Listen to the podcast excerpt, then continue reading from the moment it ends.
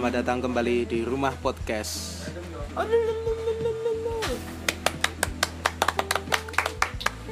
Keringan ini rame banget.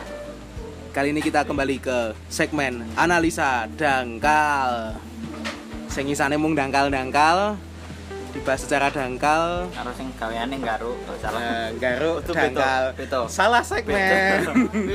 Segmennya wong-wong pluk kayak Ojo toksik tuh. Kali ini kami sedang berada di Wayang Kopi bersama Bapak Toil eh bersama kenapa Bapak Adit dan Bapak Sandy. Kali ini kita akan membahas topik yang sangat Dit? yaitu tentang klite. Apa itu klite? Klite apa teman-teman? Klite. Yang ada di pikiran Heeh, nek yang di pikiranmu tukang gimana? bacok Tukang baju. secara random Heeh. demi popularitas Nah, sik. apa? Wong kabut nek jare asar. Karena kok iso? Kok iso? Nek jare asar ki kuwi ki kegiatan yang dilakukan karena wong-wongan kuwi sini ki kabut. Ya, gabut- masa kan kegiatan liane. Nek kan dolanan cacing Kudune ngajak asar iki janen. Men asar iso menerjemahkan kuwi jane aku yo bingung dek kenapa muni jabong ya kabut. sisa yang paduane ya mungkin Nah, Ben kowe ngerti hapus iki ra Ben? penting. Nek menurut Bapak Toil gimana? Klite itu apa, Pak Toil? ini meresahkan Meresahkan. Karena apa, Pak? Kata hapus cuk. jadi iso di bengi di lunga-lunga dadi iso manja to apa barengan Hmm. Salah satu Ya, nek dari teman-teman ini kan apa ya juga mengalami di jalan loh selama ini yuk itu ada after effectnya nggak maksudnya pulang pulang itu jadi pulang pagi lagi malam itu nggak Wah tidak baik itu ya efeknya Eh, sangat mengganggu. tadi dari Jogja loh kamu Dit Heeh. nah itu gimana tadi kok jam segini udah pulang itu. Kalau sementara belum terasa sih efeknya Eh, tapi dari beberapa rekan-rekan dan teman-teman itu yang biasanya pergi malam pulang pagi itu biasanya tenang santai. Sekarang jadi sedikit merasa terancam gitu. Terutama lewat jalan-jalan sepi. Iya ya karena eh, kita itu tidak hanya berada di wilayah Jogja saja tapi sudah yang terbaru itu di mana San? di Nanggulan, Nanggulan ya? Katanya. di Nanggulan Kulon Progo itu. Ya nggak cuma di Jogja kotanya tapi sudah geser ke semakin ngulon semakin ngulon. Ke barat. Eh, dan semakin ke sini yuk. Ternyata itu merupakan kejahatan yang cukup berbahaya tidak. Eh, paling enggak kita menjadi was was di situ. Rasanya udah apa menjatuhkan beberapa korban dan sampai meninggal dunia itu. Karena kan di korban-korban tadi itu kan otomatis kalau di jalan kita kena bacok des gitu. Nah, yuk mereka ninggalin itu toh. Yuk tiba-tiba yuk kena luka dan semacamnya iya. tapi mereka itu tidak menjarah tidak menjarah hartanya atau motornya itu seperti Ya. begal itu kan pembedaannya di situ Iya, kalau Kalau- kalau menjarah harta bendanya dia, sedangkan kalau Iya. itu ya enggak, cuma sebatas bacok, ya udah bacok. Gitu. kalau klitih itu berbeda dengan begal tadi ya karena di klitih itu lebih pemfokusannya itu antara karena untuk pengakuan di geng atau semacamnya itu biasanya harus ada penyerangan-penyerangan seperti itu. Misalnya ada target dan semacamnya. Kalau yang saya tahu di seliwar-seliwar di timeline itu pembahasannya seperti itu. Jadi untuk mendapatkan suatu pengakuan atau kehormatan atau pintu masuk ke dalam suatu geng itu harus punya target pak. Ternyata misalnya membunuh berapa orang melukai beberapa, berapa orang supaya diakui oleh lingkungannya itu seperti itu Dan rata-rata pelaku pun masih di bawah umur gitu. Karena masih secara psikis juga pencarian jati diri Iya, ya. soalnya mereka kan mencari teman tuh di situ gimana caranya bisa diakui oleh lingkungannya. Cuman salah sebenarnya. Terus ada beberapa hal ini yang sangat memprihatinkan gitu kan. Penangan after after effect apa ya? Penanganan eh, kok, pen- bener nggak kalau penanganan? Maksudnya setelah ada kejadian itu kan ada korban ada pelaku. Eh, yang pelaku itu ya menjadi apa di situ setelah kejadian itu namanya? Ya tersangka. tersangka tersangka itu berarti ditangani atau apa? Ya, lebih tepatnya Kalau misal ketangkep Heeh. bagaimana Heeh. ya diproses lah secara hukum Iya. ah itu tapi kalau proses secara hukum kayak gitu kan biasanya mereka di bawah umur kan jadi hukum Indonesia itu kalau untuk anak-anak kayak Nah. kayak pen gue pen toksik nggak cocok Salah segmen dong kayak toxic toxic lah ya apa nggak cocok soalnya itu hukum yang Ya, jadi apa yang di. Indonesia berlaku itu tuh nggak berlaku ya kalau mereka pun masuk penjara pun mereka tuh yang ada bangga. Nah itu sebenarnya penjara itu bukan solusi sebenarnya. Serius. Itu loh San. penjara itu solusi serius. Ono ya wong sing metu saka penjara bukannya masih tobat no ya nyatane itu malah semakin tinggi ya. Nah, kayak kenyataannya neng kayak pengguna narkoba mlebu penjara. Yang penjara ini nyatanya gue sih salah satu tubuh kenyataannya kenyataan yang terjadi di Indonesia itu itu solusi penjara Kan yang lagi ra ngobrol ke sipir tuh. siapa ini Kena tidak salah ngomong. nggak salah iya tapi kenyataannya kan lebih Kalau kita berpikirnya biasanya kan itu ada dua sisi ya. Yang satu kan tadi untuk diproses secara hukum. Ya satunya eh, apa nek masyarakat yang menangani itu apa? Main hakim. main hakim sebenarnya nggak salah sih yang salah tuh kalau main hakim sendiri main hakim rame Ah. main hakim sendiri gitu ya. sendiri ya cuma sendirian ya. rame kan rame nek jadi nek ada sing ngono ngono iki kan ada sing iso kena kasus Iya, so. maksudnya tapi ada sing ngentepi bareng-bareng kan mungkin ada di sebagai kasus. penjara kasus mungkin maka maka dari itu lebih aman Lebih aman. lebih puas Eh, sebelum beralih ke tadi ya penanganan setelah mereka main hakim dan semacamnya ya. Kita balik lagi kita analisa secara dangkal ya kenapa mereka bisa melakukan kegiatan-kegiatan seperti itu.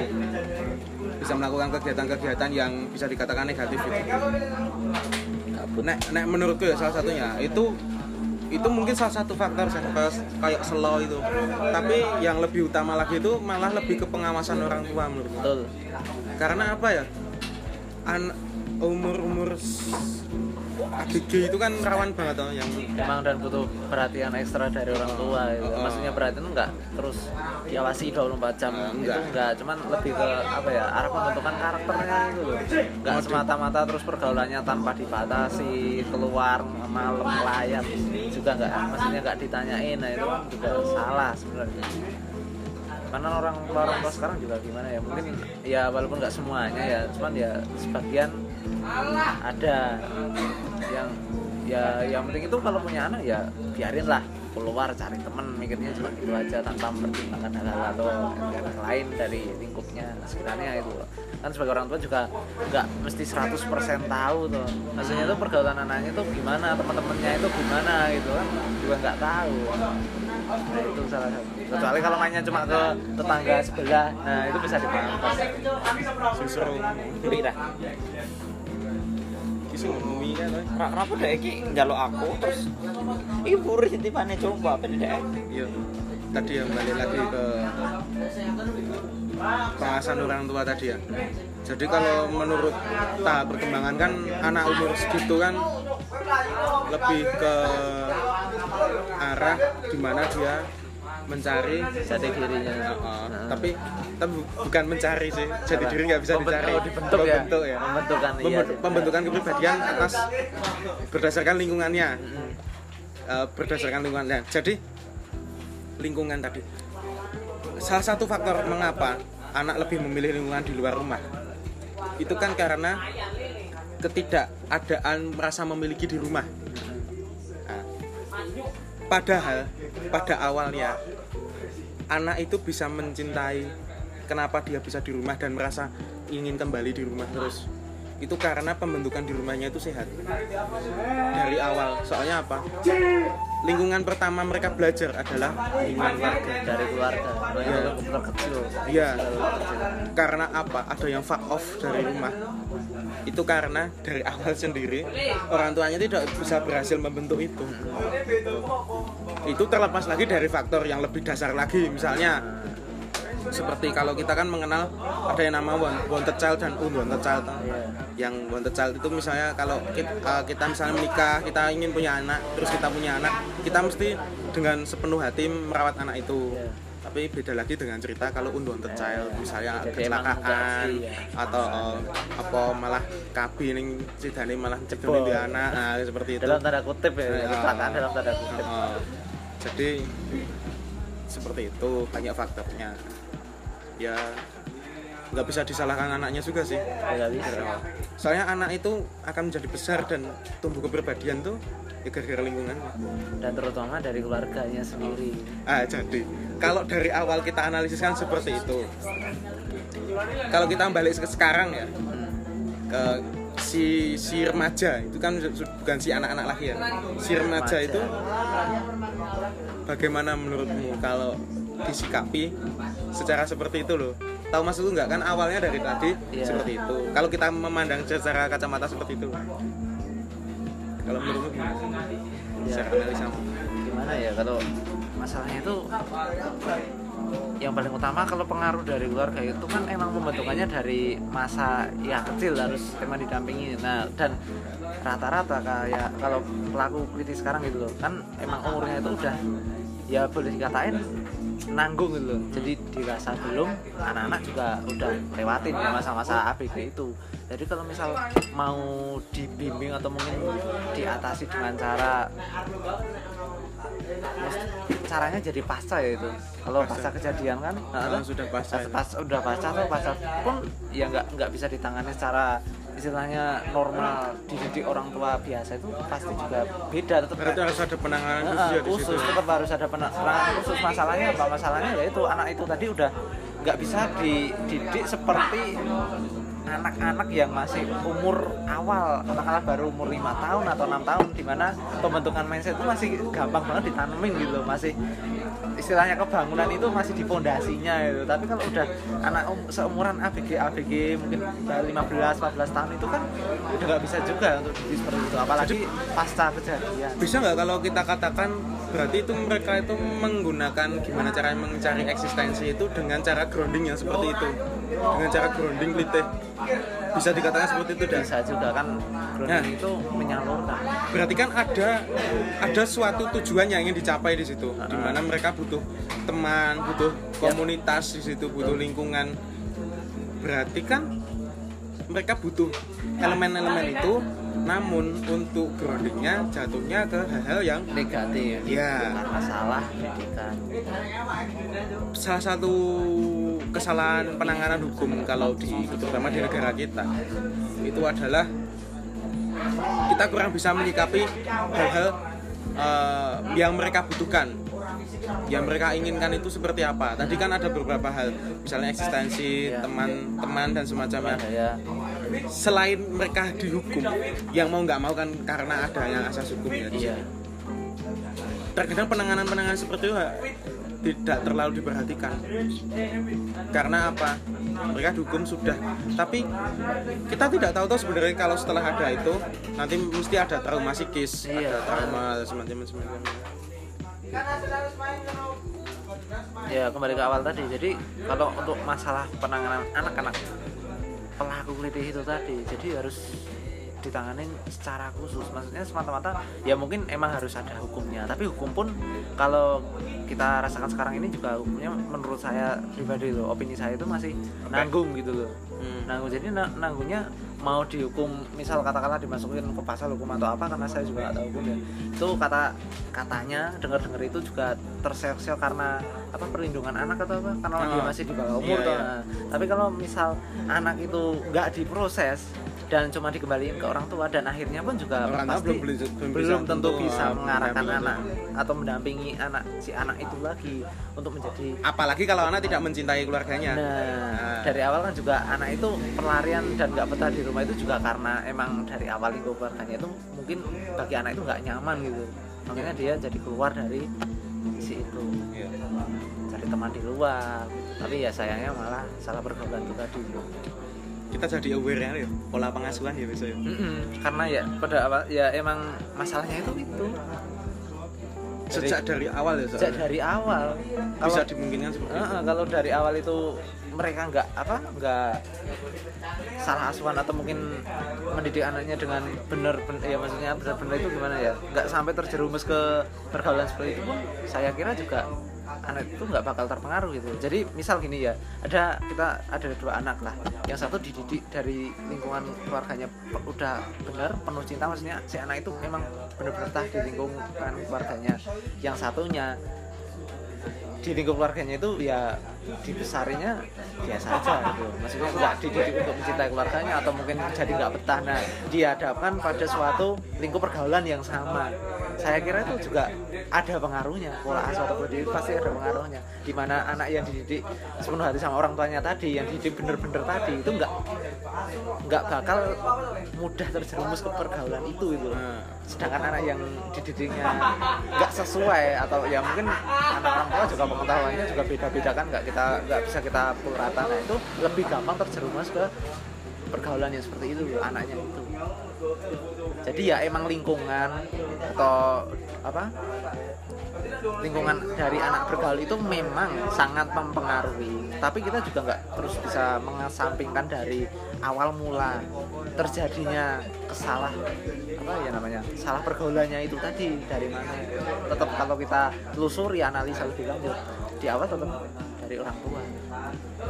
Namun itu kan eh, jika ada tersangka gitu itu kan pembentukan kepribadian yang awal Mm-mm.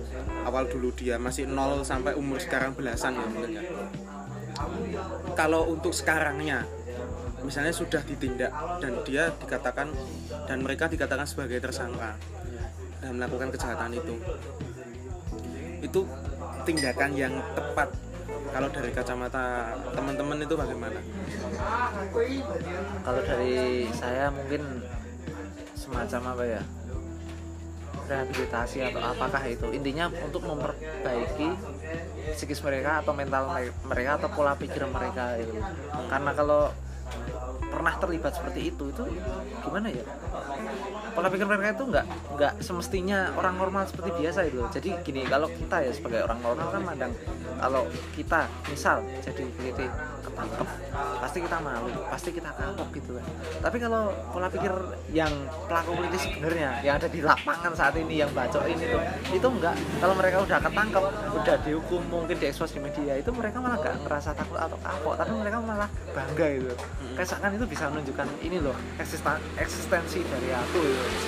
berani ini nah itu loh. Itu kan udah kayak apa ya? Ngarahnya itu udah ke mental atau apa lah karena saya juga bukan orang psikologi.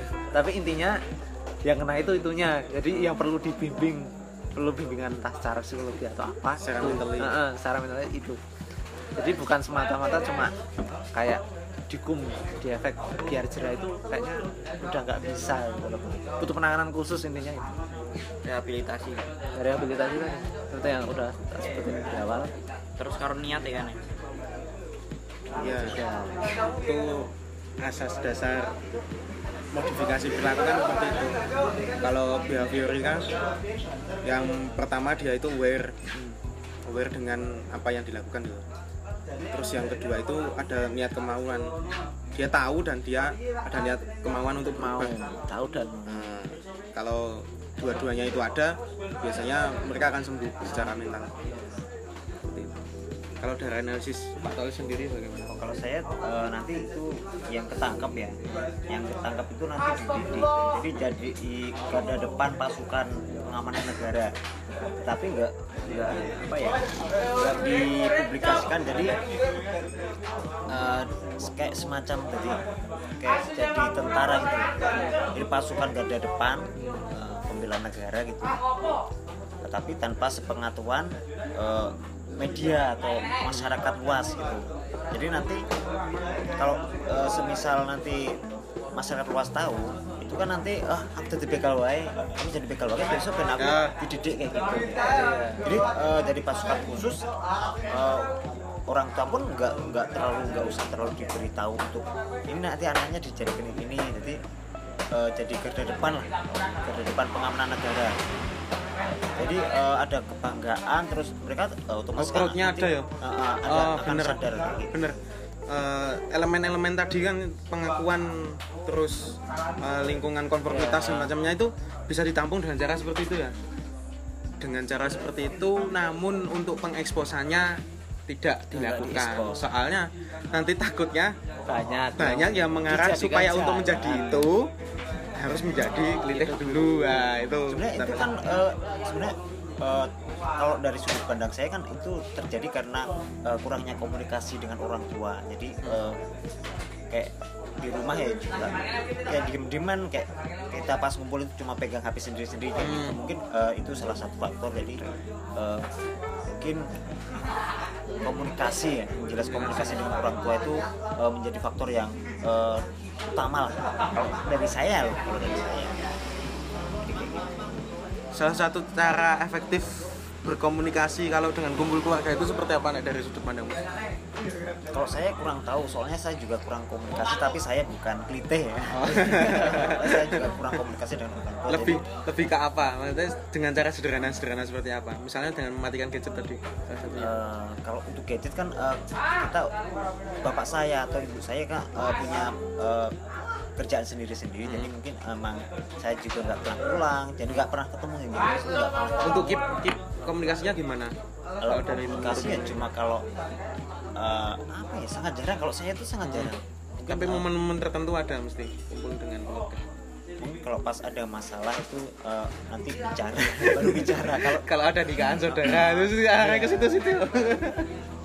kalau mas sekarang kan udah eh, udah dewasa kan Ah, kalau bisa diselesaikan sendiri selesaikan sendiri kalau pol mentok pikiran wis junto lagi Baru. ngomong gitu. Ah. itu dari sudut kalau kita lihat dari umur yang pelaku-pelaku kritis tadi itu umurnya masih belasan.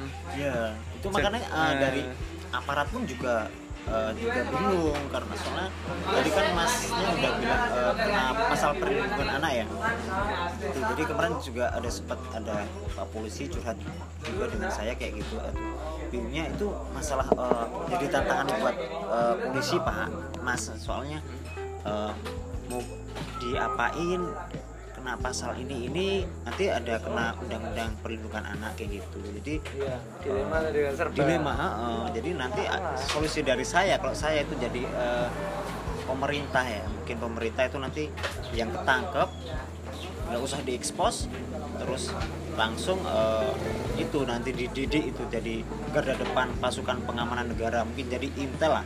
Nggak munafik kan eh, Oh, tentara-tentara bener, ya, ya, ya. sekarang itu eh, di apa ya? Nyogok. Nah kayak gitu Eh, oknum sih oknum eh, mungkin oknum apalah yang menerima sogokan enggak. Itu enggak udah rahasia umum lah. Masuk ini nanti bayar segini itu udah rahasia umum. Kayak gitu. Jadi itu kan itu jiwa jiwa perangnya kan ada kalau untuk sekelitih itu ya. Jiwa perang atau jiwa jiwa gila lah jiwa gila itu nanti, nanti ditempatkan yang jauh-jauh sana itu kayak gitu yang butuh nekat nekat gitu. Itu analisa dangkal yang cukup bagus ya. Aku malah nggak kepikiran loh tadi Nek.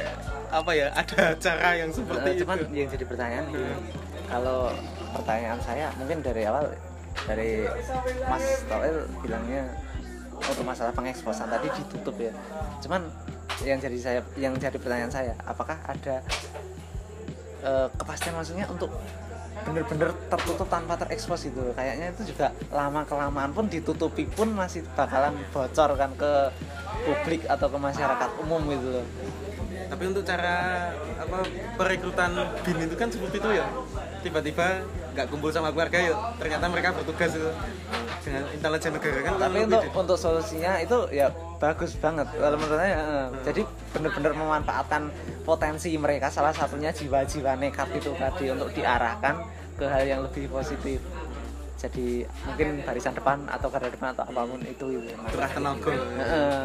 jadi kan mereka tuh udah nggak mikir takut mati atau apa itu enggak tapi yang ada di pikiran mereka ya udah gimana caranya ini loh aku Oh, berarti poin yang di sini yang di garis bawah itu penyaluran energi ya. Mereka kan energinya kan turah banget. Heeh.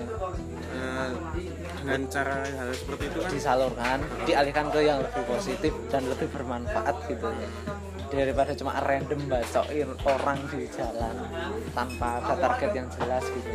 Gitu. Tapi kalau emang pemerintah bener-bener bisa menutup atas eksposnya media itu tadi maksudnya bener-bener bisa menutupi itu nggak bocor di masyarakat. Kayak mungkin yang dibicarain tadi perekrutan bin itu tadi kalau sampai bener-bener bisa dilakukan seperti itu ya bagus. Jadi solusi yang sangat Brilian. jadi untuk perikanan seperti itu kan mereka ikut seleksi loh kan dari tahap awal biasanya keluarga memang tahu keluarga diberitahu dan sebagainya yuk anaknya mendaftar dan sebagainya terus mereka itu kan ditempatkan suatu tempat tapi keluarga itu nggak tahu anaknya di mana. Seperti itu. Tapi tiba-tiba pulang gitu jadi untuk ditempatkan di suatu tempat itu anak itu nggak tahu jalannya nggak tahu di mana itu nggak tahu. Tapi tiba-tiba tugas di situ. komunikasi juga nggak diputus. nggak ada. Jadi komunikasinya lewat orang tertentu supaya komunikasi dengan keluarga. lewat mediator. seperti itu nggak bisa langsung berarti tadi ada ada penyaluran energi tadi ya karena ya. Iya, umur-umur segitu itu energinya masih banyak banget, tapi tidak bisa memanfaatkan hal seperti itu. dan seiring berjalannya waktu itu juga bisa di masih istilahnya gimana ya kan tadi dari pembentukan jati diri udah, itu masih bisa gampang buat dibentuk lagi gitu sampai nanti umur dewasa kemungkinan kalau udah umur dewasa kan mereka jadi lebih apa ya lebih bisa terarah lagi gitu pemikirannya juga jadi lebih dewasa lagi Kita tadi sudah membahas tentang awal kejadian dan ini akhir akhir setelah apa adanya Gara api menyerang. penyerangan kemudian gimana cara mengatasi itu dan Ya. juga pembentukan keluarga dan terus afternya after kejadian itu seperti apa penyikapannya sekarang kita melihat tingkah laku netizen menyikapi hal seperti ini. Tadi saya dengar itu dari Pak Tony tadi gimana lelucon-leluconnya mau Pak? Salah satu kata-katanya apa Pak? Aku lali Pak. Oh iya tadi eh, saya lihat di story temen ya. Udah tak baca kan panjang lebar tuh Wah, saya saya dipepet RE Gang di lampu merah eh, mereka mengeluarkan gunting. Untuk saya mengeluarkan batu. Kalau kertas kan kalah ya. Jadi batu gunting kertas kayak gitu. Jadi kan saya juga jengkel gitu. Geli-geli gitu. Loh Udah dibaca series. gitu udah baca baca series. Tak kira beneran. Ternyata guyonan. Tapi eh, bisa untuk hiburan juga sih. Kayak gitu mungkin dari eh saya. malamnya dikelitih. Aduh. Eh, aduh dikelitih beneran aduh. Dia. Bahaya juga itu loh maksudnya berarti selalu ada ada celah untuk goyonan hal-hal seperti ya, itu ya itulah santuinya negara kita. Kalau ya bener kalau nggak kayak gitu berarti kalian bukan di Indonesia. Hal-hal yang paling gawat pun itu masih bisa dijadiin jokes gitu. Parah. Berarti hal-hal seperti itu keangkatnya cepet banget ya? Maksudnya itu kan dalam waktu berapa hari ya? Tiga hari atau empat hari itu? Ya?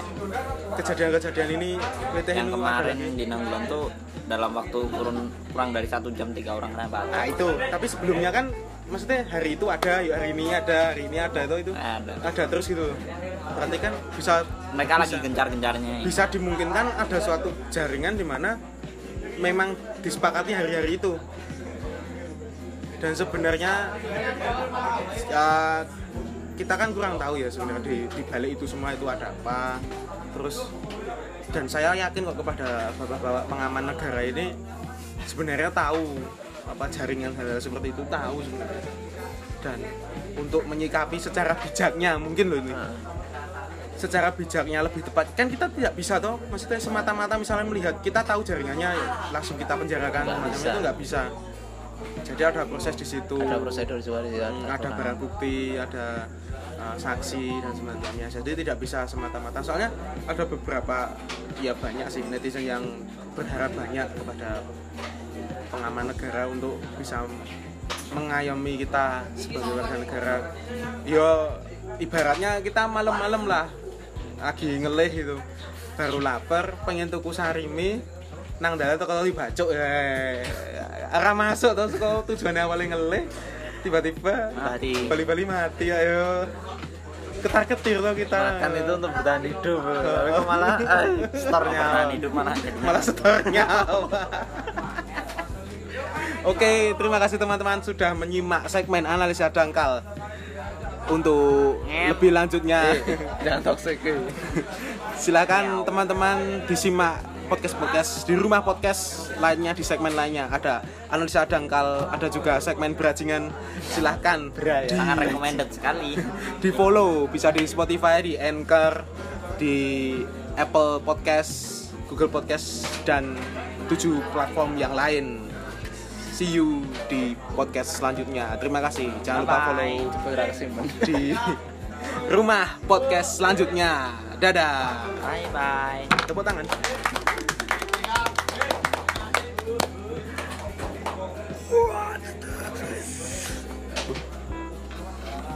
HPmu kentang ya Dit